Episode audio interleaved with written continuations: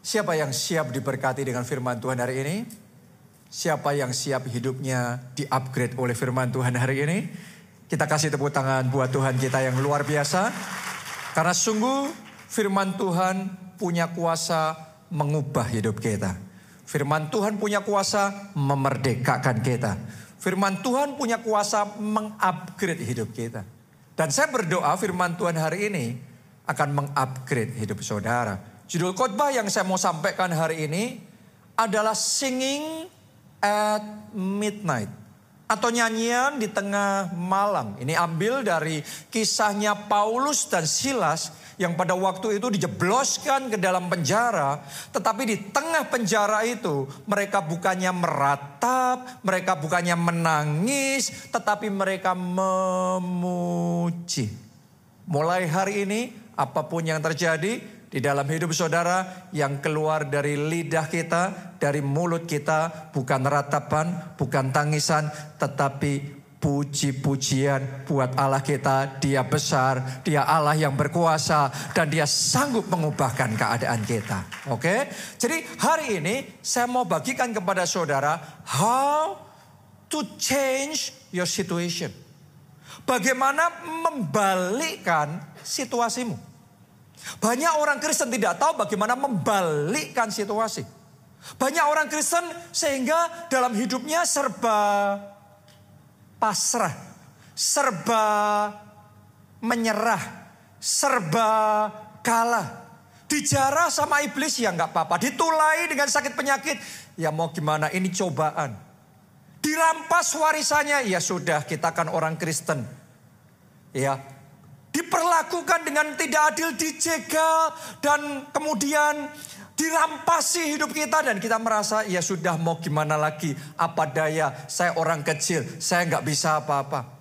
Saya mau ngomong sama saudara kalau kita tidak mengerti kebenaran firman Tuhan kita pikir itu adalah hal yang baik kita pikir uh, apa pasrah dan kalah seperti itu adalah hal yang uh, berserah sama Tuhan, tetapi sesungguhnya itu adalah kalah.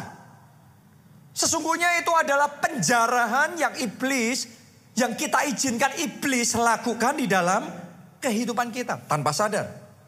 Tapi saya percaya mulai fir, melalui firman Tuhan hari ini, Anda akan dimerdekakan.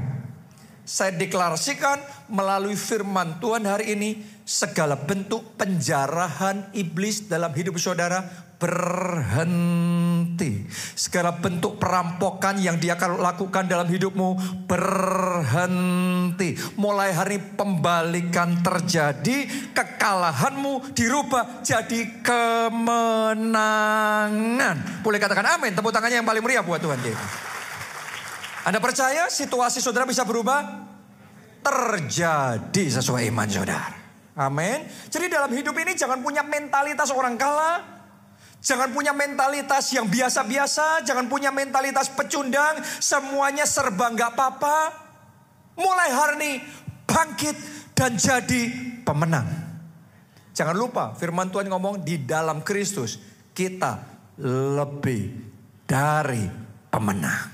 Lebih dari pemenang artinya menghadapi situasi ini dan itu kita bukan nggak apa-apa. Ya sudah pasrah diambil ya terserah. No no no no. Lebih dari pemenang artinya mau diserang, artinya kita mau diperlakukan dengan bagaimanapun. Pada akhirnya situasi akan berbalik, kemenangan terjadi. Itu yang akan Tuhan kerjakan dalam hidup saudara. Kekalahanmu dirubah menjadi kemenangan. Amin. Gak ada yang percaya. Aminnya satu orang dan itu pun lemah sekali. Saya tidak tahu ada pemenang yang caranya ngomong amin amin. Menurut saudara yang ngomongnya amin, itu orang menang apa orang kalah?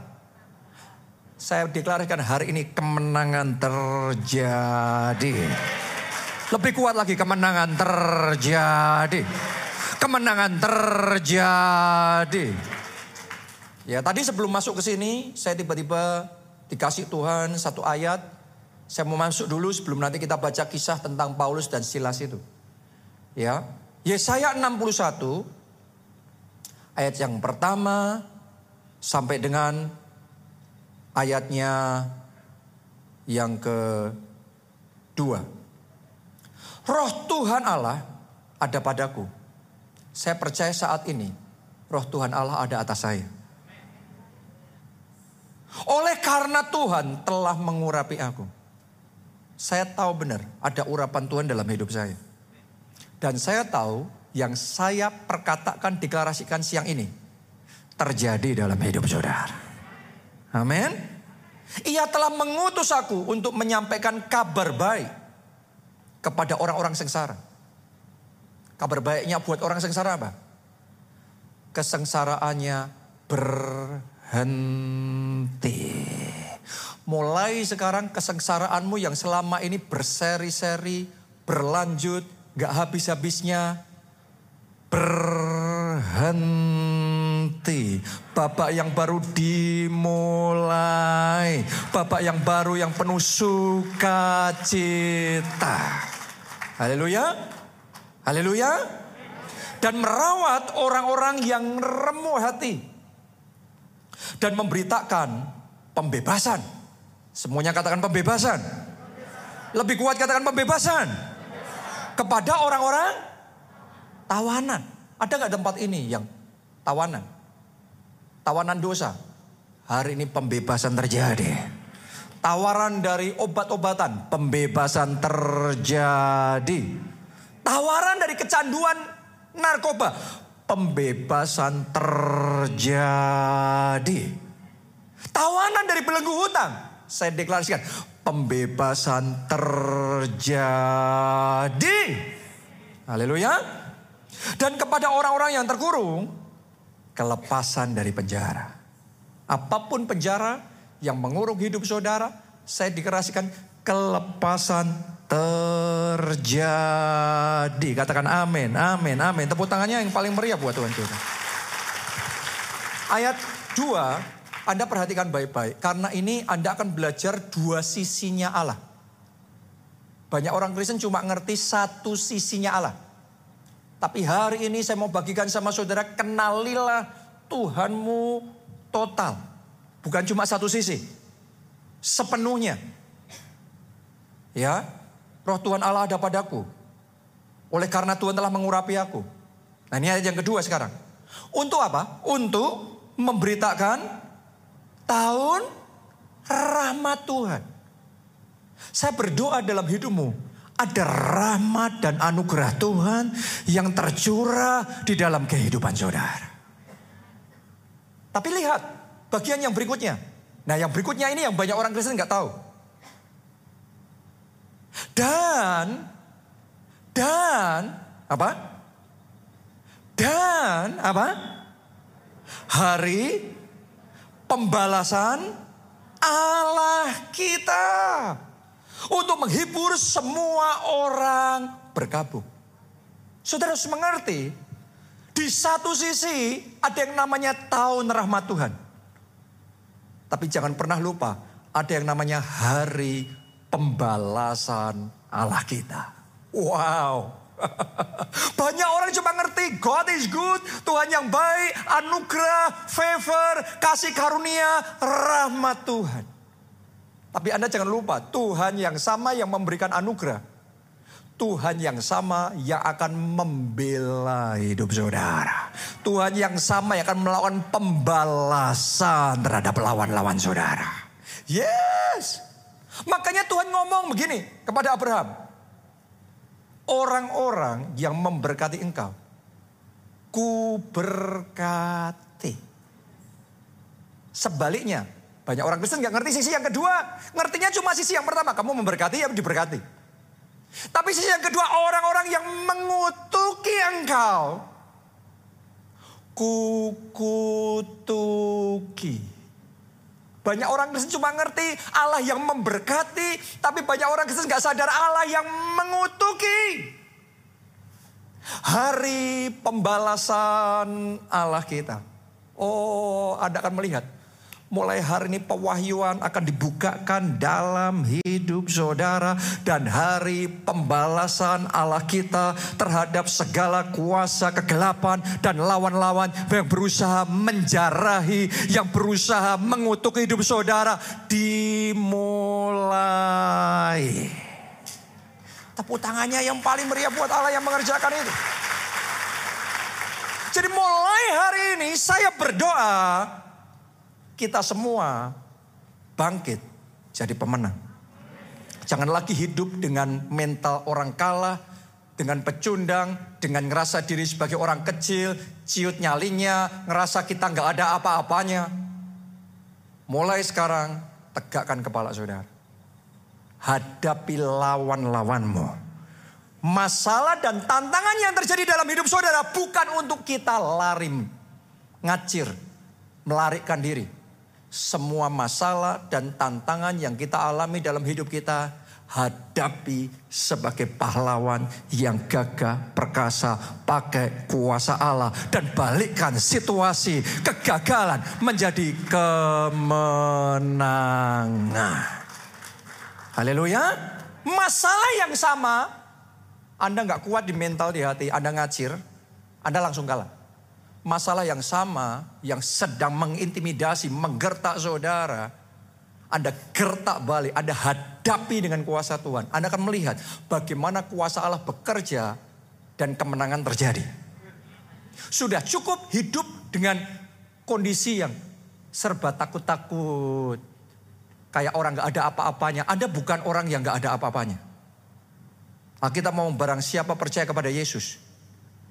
Ia diberi kuasa untuk menjadi anak-anak Allah. Siapa anak Allah di tempat ini? Siapa percaya kepada Yesus? Siapa percaya kepada Yesus? Siapa yang percaya Anda sudah diberi kuasa menjadi anak-anak Allah?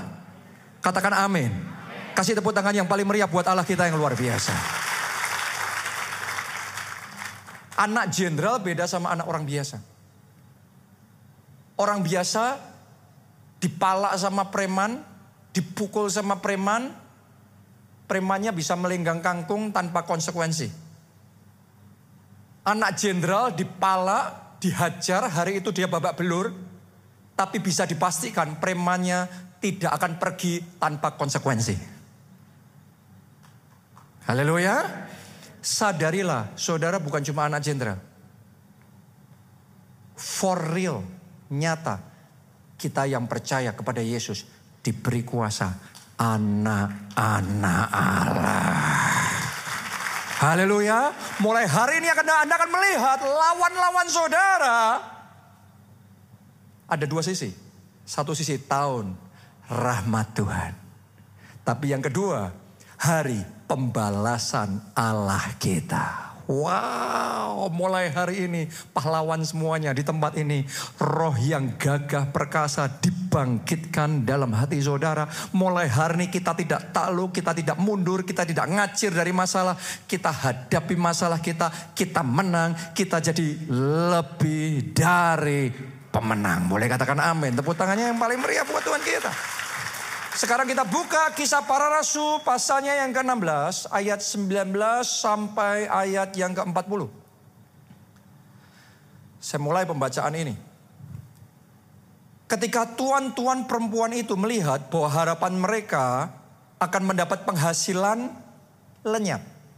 Jadi ini kejadiannya adalah suatu saat Paulus dan Silas sedang memberitakan Injil di suatu daerah, di suatu kota. Terus kemudian ada perempuan yang kerasuan roh tenung. Nah dengan tenungan-tenungannya itu bos-bosnya dia bisa dapat penghasilan, keuntungan.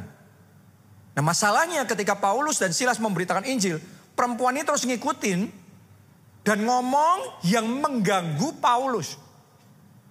Sampai di satu titik, enough is enough. Saya mau ngomong sama saudara kadang-kadang kita diganggu ya nggak apa-apa. Diganggu nggak apa-apa. Ada momennya. Enough is. Cukup. Gangguan cukup. Paulus hardik roh tenung itu. Dan kemudian perempuan itu dilepaskan. Tapi sejak saat itu perempuan itu nggak bisa menenung lagi seperti biasanya. Dan bos-bosnya kehilangan penghasilan. Ngamuk mereka. Ngamuk mereka. Ini masalah dimulai. Kita baca. Mereka, apa yang mereka lakukan? Menangkap Paulus dan Silas. Lalu apa? Menyeret mereka ke pasar untuk menghadap penguasa. Setelah mereka membawa keduanya menghadap pembesar-pembesar kota itu, berkatalah mereka, katanya, orang-orang ini mengacau kota kita ini. Fitnah apa bukan ini? Fitnah apa bukan ini?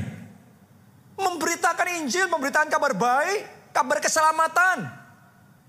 Tapi sekarang yang disampaikan orang-orang ini mengacau kota kita. Di fitnah ini sudah ditangkap, diseret, difitnah. Oke, orang-orang ini mengacau kota kita ini karena mereka orang Yahudi dan mereka mengajarkan adat istiadat yang kita sebagai orang Rom tidak boleh menerimanya atau menurutinya. Itu keadaan yang dialami oleh Rasul Paulus dan Silas pada waktu itu. Mungkin ada di antara saudara juga mengalami seperti yang mereka alami. Anda difitnah, Anda dijajah, Anda diperlakukan dengan sewenang-wenang, di tempat kerja diperlakukan tidak adil, di rumah diperlakukan dengan tidak adil, di lingkungan pergaulan Anda dianiaya. Itu yang dialami oleh Paulus dan Silas pada waktu itu. Dan ternyata belum berhenti. Ayat berikutnya. Ayat 22. Juga orang banyak bangkit menentang mereka. Sekarang nggak cuma sendiri. Tapi orang banyak dikeroyok rame-rame. Berapa banyak dari saudara yang ada dalam situasi disudutkan rame-rame. Disalah-salahin sama banyak orang. Ditunjuk-tunjuk. Dan dikata-katai dengan tidak adil. Diperlakukan dengan tidak benar. Itu yang dialami Paulus dan Silas. Orang banyak bangkit menentang mereka. Lalu pembesar-pembesar kota itu menyuruh mengoyakkan pakaian dari tubuh mereka. Coba Anda bayangkan. Dipermalukan di depan umum. Kehormatannya dikoyakkan. Berapa banyak orang yang nama baiknya dikoyakkan. Reputasinya dikoyakkan. Dirusak. Saudara mungkin dalam situasi yang mirip seperti Paulus dan Silas waktu itu.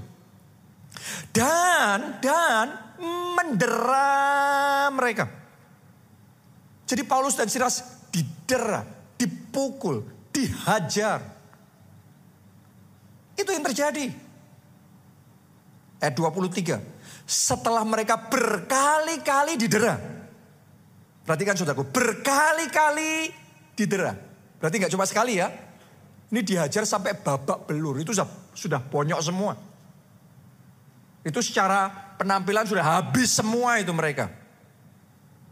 Berkali-kali didera. Mereka dilemparkan ke dalam penjara. Masih belum cukup, belum puas. Dilemparkan ke penjara. Untuk memberitakan kabar baik, kabar keselamatan. Tapi dilemparkan ke dalam penjara. Berapa banyak dari saudara yang melakukan hal yang baik. Tapi disalah mengerti, diperlakukan dengan jahat, jahat sekali. Mungkin Anda maunya kerja baik di kantor, di perusahaan di mana kau bekerja. Tetapi engkau diserobot, dijegal, dan dijatuhkan karirmu.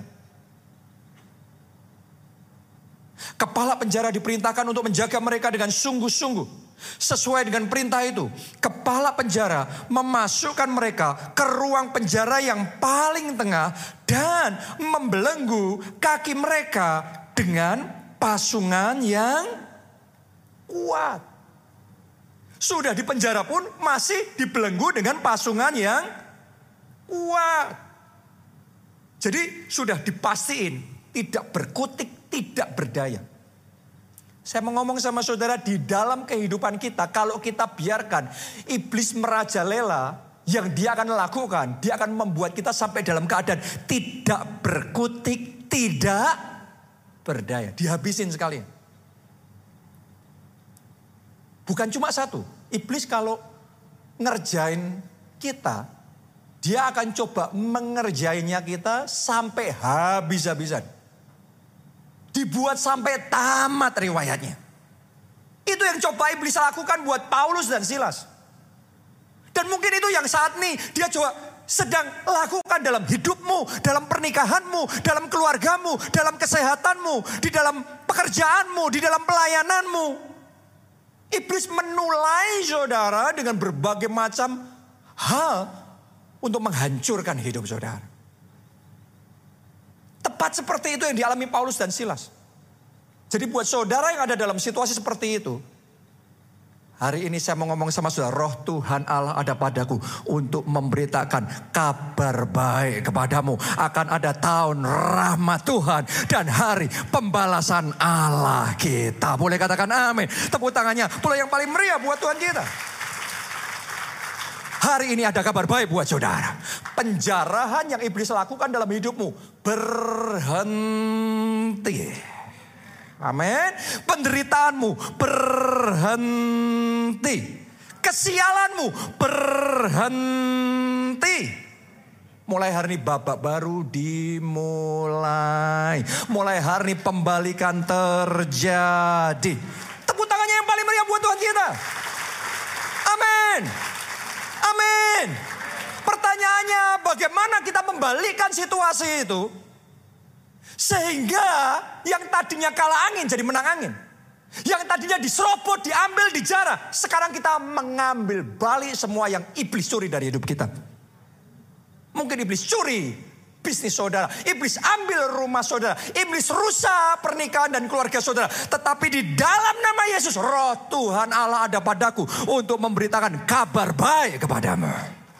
Hari ini melalui firmannya kalau Anda menangkap firman Tuhan hari ini. Mulai hari ini iblis tidak akan segampang itu menyentuh saudara tanpa konsekuensi.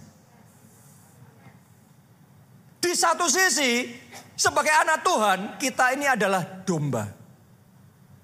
Karena Yesus adalah domba Allah. Dan kita domba-dombanya Tuhan. Benar? Tapi jangan pernah lupa. Di sisi yang lain Yesus disebut singa dari suku Yehuda. Dan saudara semua anak-anak Yesus, yang anak Yesus lambaikan tangan. Anda keturunan singa dari suku Yehuda.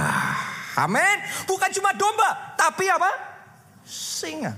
Apa bedanya domba sama singa? Coba aja saudara ganggu-ganggu domba. Gelitik-gelitikin dia, pukul-pukul sedikit dia. Gak ada konsekuensinya buat saudara.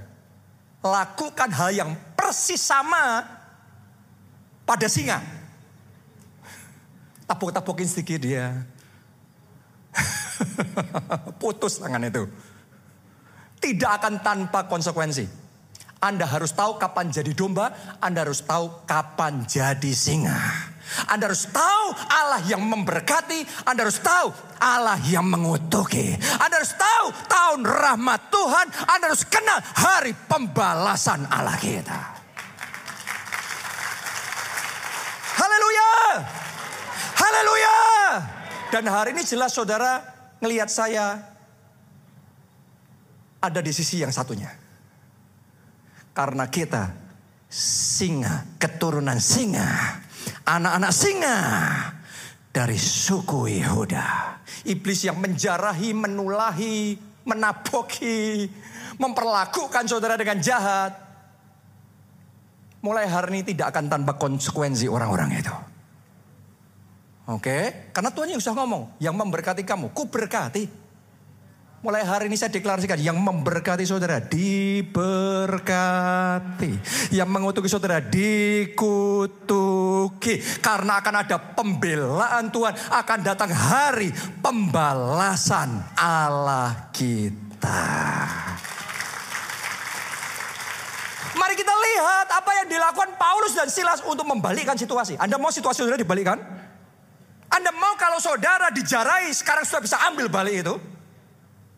Ya harus gitu. Dalam perjuangan hidup kalau kita ngeper hatinya takut-takut, serba nggak berani, Anda akan dirampasin terus. Iblis akan merasa oh ini nggak apa-apa, ditapokin nggak apa-apa. Oh ya sudah diampuni. Lah iblis diampuni. Sampai saudara belajar mengaum seperti singa, fight like a lion, Anda akan terus dibully sama iblis. Hari ini pahlawan, pahlawan, pahlawan. Bangkit dalam nama Yesus. Engkau pahlawan yang gagah perkasa. Haleluya. Mari kita lihat dalam situasi seperti itu apa yang dilakukan oleh Paulus dan Silas. Ayat 25. Tetapi kira-kira tengah malam Paulus dan Silas menangis dan meratapi nasibnya Tuhan kenapa kok engkau izinkan ini terjadi dalam hidupku. Alkitab kita sama apa beda? Itu yang saudara baca dalam Alkitab saudara. Apa yang dilakukan Paulus dan Silas? Mereka nggak meratap, mereka nggak menangis. Dalam peperangan, Anda kalau nangis-nangis, dibunuh musuh. Dalam peperangan, Anda kalau kalau saudara ngemis-ngemis minta belas kasihan dihabisin sekalian. That is war, itu itu perang. Anda harus tahu ada momennya dimensi peperangan itu. Kalau kita ada di situ, Anda nggak tahu bagaimana berperang. Habis sekalian. Saat tubuh mereka babak belur dihajar. Habis-habisan. Bonyol semuanya. Capek semuanya sebadan ini. Lihat yang dilakukan oleh Paulus dan Silas. Apa yang mereka lakukan? Berdoa. Paulus dan Silas apa? Berdoa dan menyanyikan puji-pujian kepada Allah dan orang-orang hukuman lain mendengarkan mereka. Berarti mereka memujinya pelan-pelan. Melas-melas. Atau mereka memuji dengan gagah. Memuji dengan keras, dengan mantap. Semua tahan lain mendengar. Penjaga-penjaga prajurit-prajurit yang mendera mereka itu mendengar. Bagaimana mereka memuji. Saya pastikan saudara, memujinya Paulus dan Silas bukan memuji yang melas-melas, menghibur diri, mengasihani diri. Allah mengerti, Allah peduli. Tapi mentalnya kalah, mentalnya drop. Sudah kayaknya orang kelenger yang nggak bisa berdaya, yang nggak bisa apa-apa nggak berdaya. That is not how to praise God.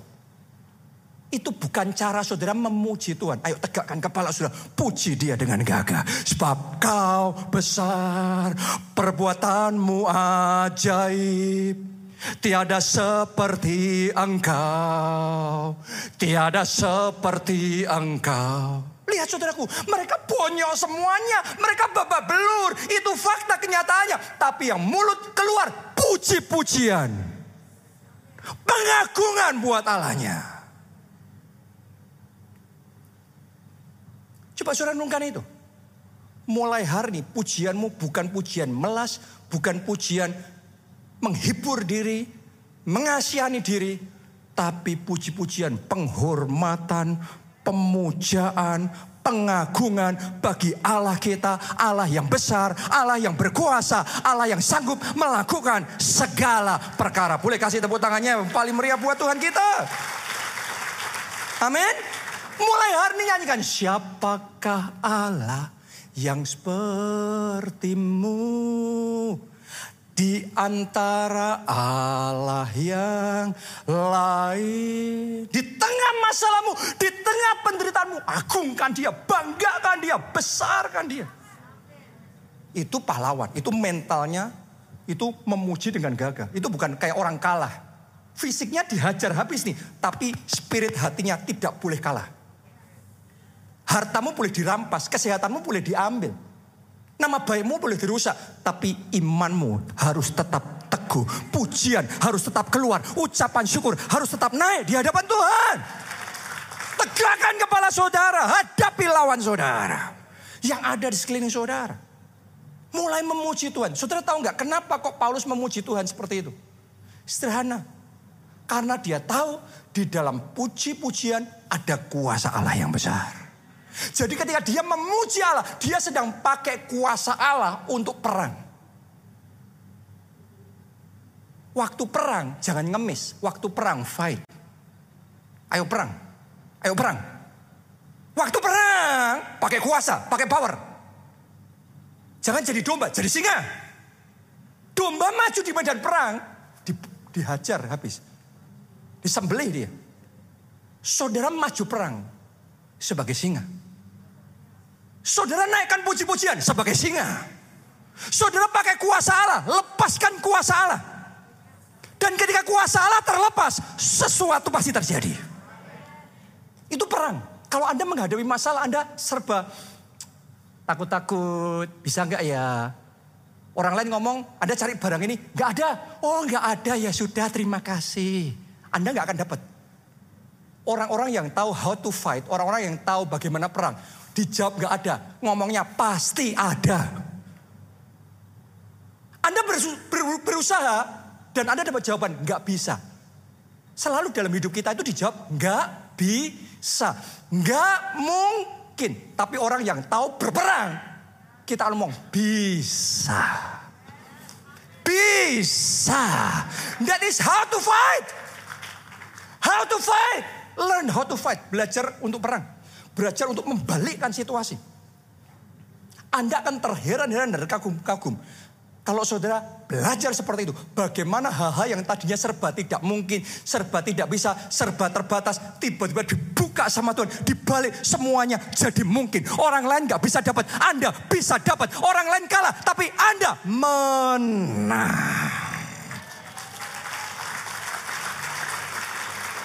Jadi Paulus dan Silas pakai kuasa untuk perang itu. Dia tahu dia sedang dalam peperang, dia hajar, dihabisin, dia nggak mau diam. Dia nggak ngeper dan minta belas kasihan ngemis. Waduh, minta ampun, minta ampun. Kapok-kapok saya kapok memberitakan Injil kapok, kapok-kapok ngusir roh tenung kapok, kapok-kapok sudah, sudah. Tolong belas kasihani, tolong lepasin saya. Oh, diketawain. Anda kalau ngemis-ngemis minta belas kasihan orang, Anda buktikan aja, sering kali malah diinjak kita. Kalau lagi perang, Anda minta belas kasihan diinjak, saudara. Jangan lupa, walaupun engkau terdesak, Engkau punya Allah yang besar. Yang kuasanya tidak terbatas. Dan kalau engkau tahu otoritasmu itu dalam Tuhan. Engkau tahu bagaimana menggunakan kuasa itu. Kuasa itu bisa dilepaskan dan pembalikan bisa terjadi. Mari kita lihat. Ketika Paulus dan Silas melepaskan kuasa itu. Apa yang Tuhan kerjakan? Ayat berikutnya 26.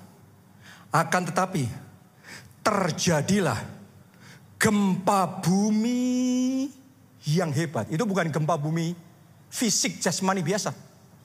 Itu gempa yang terjadi karena kuasa Allah. Gempa bumi yang hebat sehingga sendi-sendi penjara itu goyah.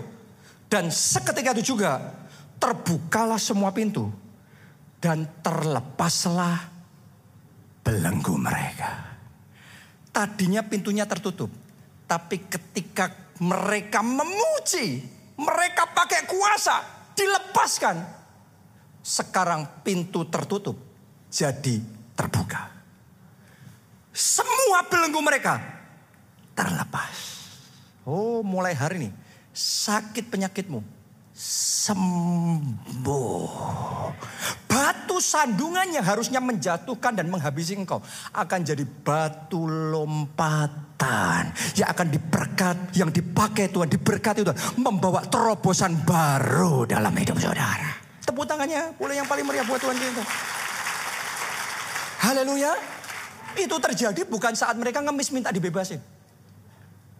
Itu terjadi saat mereka memuji kuasa Allah bekerja, pembalian terjadi.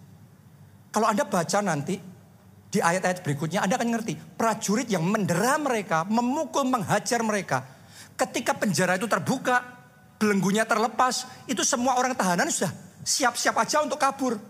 Dan pada waktu itu konsekuensinya kepala penjara, kalau tahanan dan kabur, nyawa mereka itu mengerikan. Saking mengerikannya, ditulis dalam Alkitab, kepala penjara siap bunuh diri.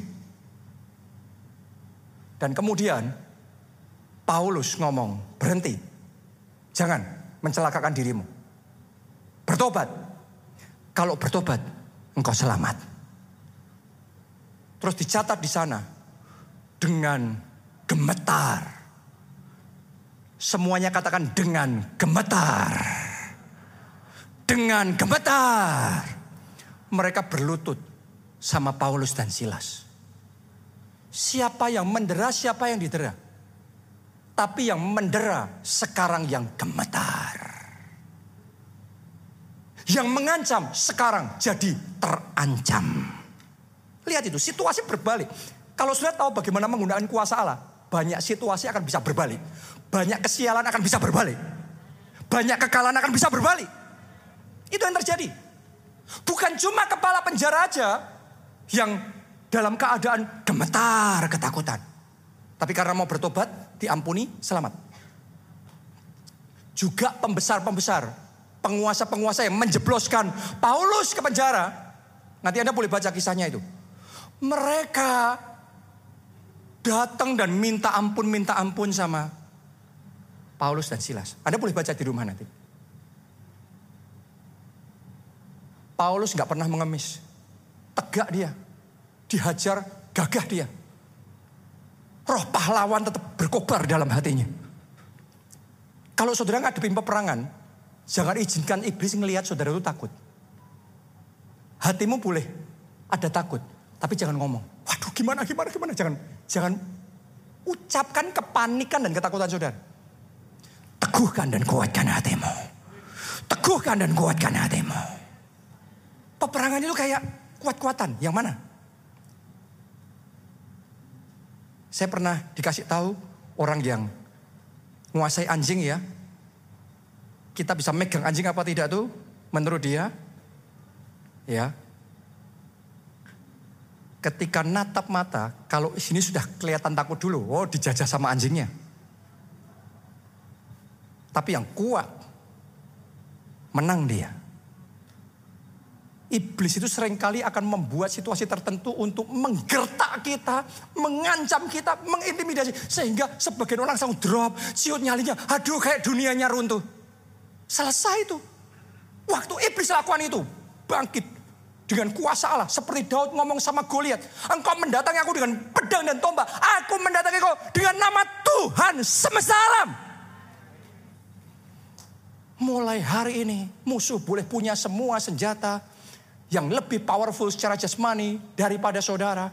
Tapi jangan pernah lupa, selama engkau punya nama Yesus. Selama engkau punya Tuhan, ada kuasa yang tidak terbatas.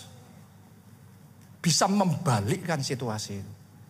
Dan dalam hidup memulai hari ini, dalam pertandingan-pertandingan iman dalam hidup memulai hari ini, kemenangan-kemenangan akan dimulai kemenangan-kemenangan akan dimulai.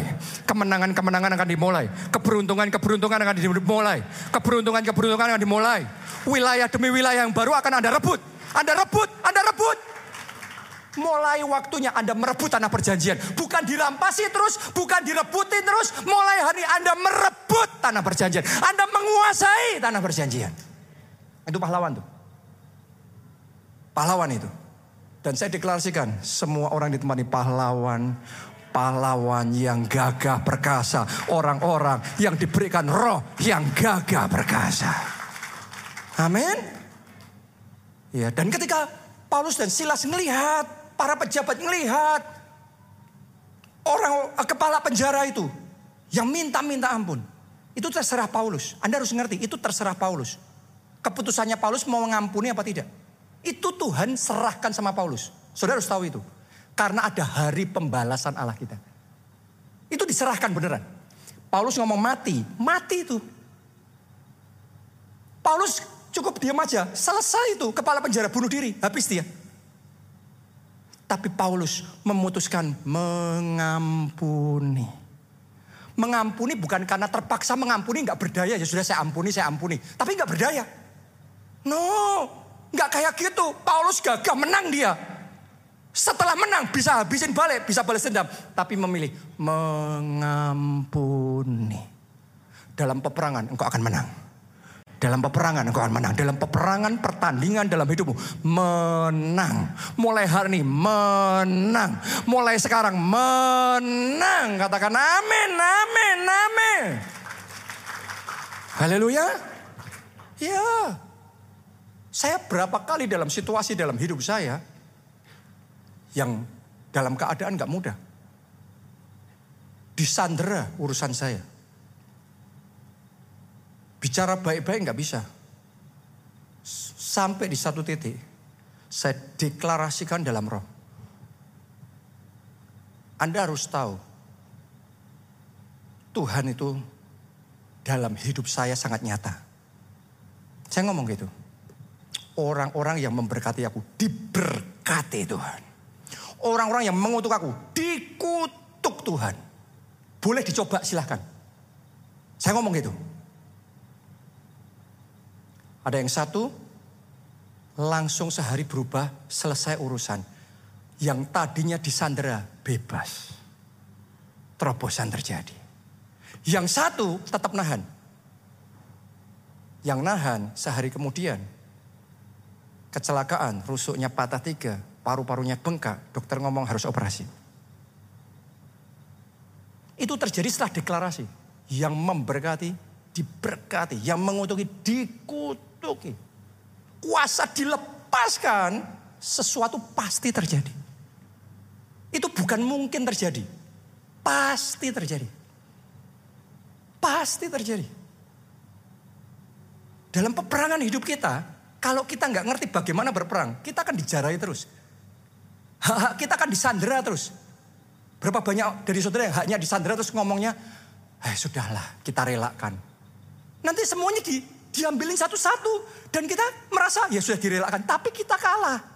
No. Lion nggak kayak gitu. Singa, saudara jangan main-main sama wilayahnya singa. Anda harus fight dulu. Dalam hidup kita, saya pernah mengalami situasi gereja kita di Jogja lagi perayaan ulang tahun. Saya lagi khotbah. Tiba-tiba dari sebelah sana, wih keludak suara. Ternyata api, kebakaran terjadi. Jemaat harus dievakuasi semuanya. Wah, itu rasanya kayak kita dipermalukan saudaraku. Dan itu benar-benar hangus terbakar. Kayak Daud perkemahnya di Siklak hangus terbakar. Kayak Paulus dan Silas habis dihajar. Babak belur, bonyok semua mereka. Benar apa tidak? Kita ngalami itu juga dalam hidup kita. Tidak terelakkan akan ada hal-hal yang kayak gitu dalam berbagai versi. Enggak cuma kayak gitu. Ketika itu terjadi, bukannya tidak semua orang loh saudaraku ya. Tidak semua orang itu bisa ikut bersimpati saat kita berduka. Tapi ada orang-orang yang senang ketika kita susah. Bahkan mereka ngomong, keluarga Allah ini habis sekarang kapalnya mau karam. Sudah keluar, keluar, keluar. Tinggalkan keluarga Allah. Karena kapalnya mau karam. Habis sekarang katanya. Tapi saudara tidak akan pernah menemukan saya menangis dan meratap-ratap. Anda tanya sama leader di Jogja. Gak ada satu tetes pun air mata. Gak sempat itu. Yang ada sebab kau besar, perbuatanmu ajaib, tiada seperti engkau, tiada seperti engkau. Uh, kenyataannya terbakar hangus, tapi mulut ini tidak akan kecewa, tidak akan protes, meratap-ratap kayak orang kalah. Never! Yang ada mulut ini. Sebab kau besar, perbuatanmu ajaib. Itu pahlawan. Itu pakai kuasa pujian penyembahan untuk melepaskan kuasa Allah. Dan tahukah saudara apa yang terjadi? Dalam tiga hari kita dapat tempat yang baru. Kita tidak melewatkan satu ibadah minggu pun. Kita tetap ibadah di tempat yang baru direnovasi dari nol dalam tiga hari selesai. Dalam waktu tiga bulan, tempat itu yang hangus terbakar dibangun kembali jadi. Setelah itu ekspansi lebih luas dan saya umumkan kapalnya tidak karam. Kapalnya jadi tanker yang lebih besar mengalami terobosan yang lebih besar. Itu pahlawan. Kalau saya di saat kesesakan langsung lemes. Aduh Wah, meratapi nasib gereja kita hangus terbakar. Ngeliatin gembalanya lemes, jemaat lemes semuanya. Habis semuanya. Di saat kita dalam peperangan berdiri teguh. Sebagai pahlawan. Hold your ground, pertahankan wilayahmu. Secara jasmani, orang bisa merampasi kita, orang bisa menipu. Tapi hati nggak boleh hancur Roh jangan izinkan roh saudara dihancurkan. Kuatkan dan teguhkan hatimu. Kuatkan, teguhkan hatimu. Kuatkan, teguhkan hatimu. Di tengah persoalanmu. Nyanyikan siapakah Allah yang sepertimu. Di antara Allah yang lain. Banggakan dia. Unggulkan dia besarkan dia. Maka dia akan membuktikan dirinya sendiri hebat. Masalahmu, musibahmu akan diubahnya jadi mahkota. Yang engkau tadinya pujikan sebagai iman, sebagai senjata peperangan rohani akan dimeteraikan jadi kenyataan dalam hidupmu. Keajaibannya yang besar, mujizatnya yang besar, kemenangnya yang besar akan dia kerjakan di dalam hidupmu. Haleluya. Jadi saudara dalam menghadapi masalah, jangan jangan ciut nyalinya. Jangan gampang rontok mentalnya. Jatuh langsung, digertak sedikit langsung jatuh. Hadapin. Hadapin. Hadapin. Di tengah kegagalan, dulu gereja kita ini setelah berjuang 10 tahun tutup. Anda harus tahu ini gereja yang pernah tutup loh. Apakah saya ngomong Aku sudah berdoa, mana katanya doa orang benar bila dengan yakin didoakan besar kuasanya. Mana sudah berdoa, sudah puasa, tetap tutup. Sudah bayar harga, sudah melakukan semuanya. Hati-hati, karena waktu engkau dalam kesesakan, yang keluar dari mulutmu itu yang dipegang sama Tuhan. Jangan ngomong yang salah. Kenyataannya gagal, kenyataannya tutup, kenyataannya hancur. Tapi yang keluar dari mulut Siapakah Allah yang sepertimu di antara Allah yang lain? Uh, kita agungkan, kita tinggikan dia. Dulu benar. Semenyedihkan itu gereja kita. Tapi kita pakai kuasa pujian untuk melepaskan kuasa Allah. Dan sekarang Anda bisa melihat, look what God has done for us. Lihat sekarang apa yang Tuhan sudah kerjakan di tengah-tengah kita. Dari yang keadaan semenyedihkan itu dirubahnya. Menjadi penuh dengan kemuliaan. Greater glory. Selalu kemuliaan yang lebih besar. Hari ini kau yang sedang dalam keadaan seperti Paulus dihajar habis, dijarai, dirampasi oleh iblis. Kesehatanmu mungkin, keuanganmu mungkin, nama baikmu mungkin, keluargamu mungkin. Jangan salah ngomong. Jangan ciut nyali. Busungkan dada. Bangkit jadi pahlawan. Sadari dirimu di dalam Tuhan. Alkitab ngomong, engkau lebih dari pemenang. Terhadap yang satu itu pun, walaupun kenyataannya kayaknya kalah. Tapi kekalahan itu bisa dibalik jadi kemenangan. Tapi mulut besarkan dia. Memuji Tuhan. Di tengah kegelapanmu. Di tengah kesusahanmu. Di tengah penderitaanmu. Di tengah kebangkrutanmu. Sembah alamu. Senangkan hatinya. And see what God will do for you. Lihat apa yang Tuhan akan lakukan bagimu. Percaya? Mari bangkit berdiri. Siapakah Allah yang Mari dengan gagah, dengan gagah angkat dua tanganmu. Di depan lawan-lawanmu, banggakan Yesusmu. Besarkan Allahmu.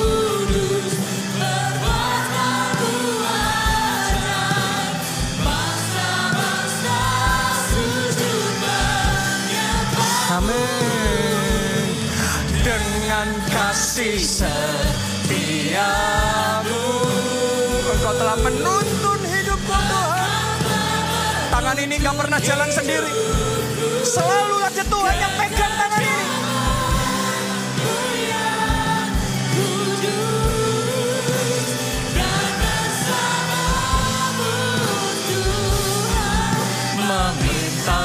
Sekali lagi katakan Siapakah Allah? Yang sepertimu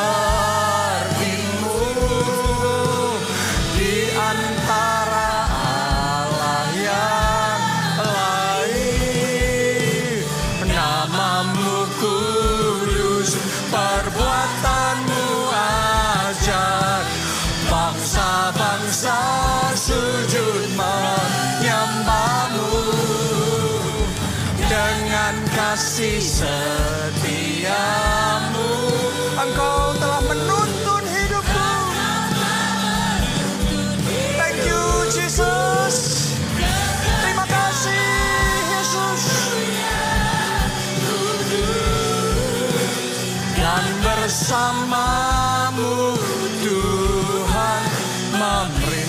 selama-lamanya. Kalau Anda bersama Tuhan Anda memerintah. Memerintah. Sekali lagi saya ulangi Harusnya sebagai orang Kristen Anda memerintah. Bukan mengemis-ngemis. Kayak orang yang gak punya, gak ada apa-apanya. Jangan lupa barang siapa percaya kepada Yesus. Ia diberi kuasa. Jadi anak-anak Allah. Kuncinya harus jadi milik Allah. Jadi anak-anak Allah. Itu kunci. Kayak tadi saya ngomong. Kalau Anda anak jenderal, dibully sama preman. Preman itu dipastikan akan terima konsekuensi. Tapi kalau saudara bukan apa-apa, dibully ya nggak bisa apa-apa. Kuncinya siapa bapak kita? Dan yang percaya Yesus diberi kuasa. Jadi anak-anak Allah. Kalau Anda jadi anak Allah, maka akses terbuka untuk kuasa Allah bisa Anda pakai. Di situ Anda bisa membalikkan situasi membalikkan keadaan sehingga dalam peperangan hidup ini kita nggak jadi pihak yang terus menerus harus menelan ya sudah saya telan aja ya sudah saya terimakan aja ya sudah saya pasrah. No no no no no. Nomor kehidupannya kayak gitu nomor kita pemenang. Kita lebih dari pemenang. Kita yang harusnya merebut tanah perjanjian. Dapat wilayah baru dapat wilayah baru. Bukan direbutin bukan dijarai kita yang merebut menjara karena kita anak-anak Allah. Jadi saya mau kasih kesempatan buat saudara yang belum terima Yesus sebagai Tuhan dan Juru Selamat. Ayo undang dia masuk dalam hatimu jadi Tuhan dan Juru Selamatmu. Maka engkau akan diberi kuasa jadi anak-anak Allah. Angkat dua tangan saudara, ikuti doa ini. Tuhan Yesus, masuklah dalam hatiku. Jadi Tuhan dan Juru Selamatku. Ampuni dosa-dosaku. Selamatkan aku. Jadikan aku anakmu. Mulai sekarang hidupku milik Yesus. Aku siap mengiring Yesus. Melayani Yesus. Jadi saksi Kristus seumur hidupku. Pakai aku untuk menyelamatkan jiwa-jiwa. Terima kasih Tuhan. Amin. Yang kedua, saya mau berdoa supaya roh singa dari Yehuda dibangkitkan dalam hati saudara. Selama ini Anda sudah cukup baik jadi domba. Tapi waktunya roh singa dari suku Yehuda itu dibangkitkan. Roh keperkasaan itu dibangkitkan dalam hati saudara. Yang mau angkat dua tangan saudara. Yang bisa bahasa roh. Ayo doa bahasa roh. Yang belum saudara akan suara. Berdoa dalam bahasa Indonesia. Aku terima roh singa dari suku Yehuda. Roh Yesus Kristus. Aku terima saat ini di dalam nama Yesus. Roh keberanian aku terima. Roh keperkasaan aku terima. Aku terima. Mulai hari bangkit saudara, bangkit, bangkit dengan keperkasaan, bangkit dengan keberanian, bangkit. Hadapi lawan saudara, hadapi penentang-penentang saudara, hadapi tantangan-tantangan, masalah-masalahmu, hadapi, hadapi, hadapi. Dan biarlah kuasa Tuhan menyertai. Kuasa Tuhan menyertai. Kuasa Tuhan bekerja. Dan kemenangan jadi Siapakah Allah yang sepertimu? Di antara Allah yang lain. Di tempat ini Yesus diagungkan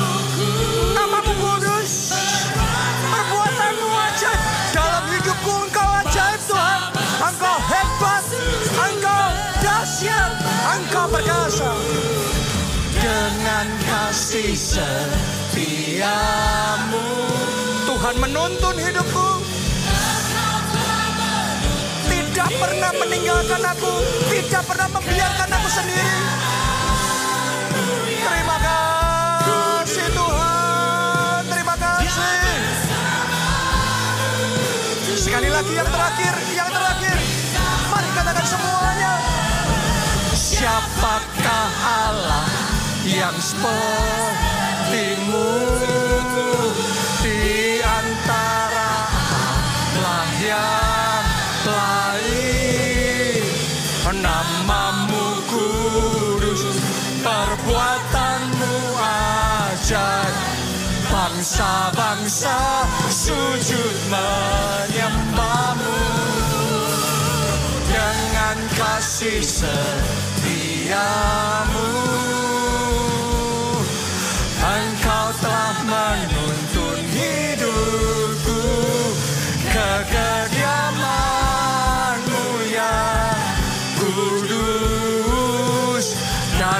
bersamamu Tuhan. Memerintah selama-lamanya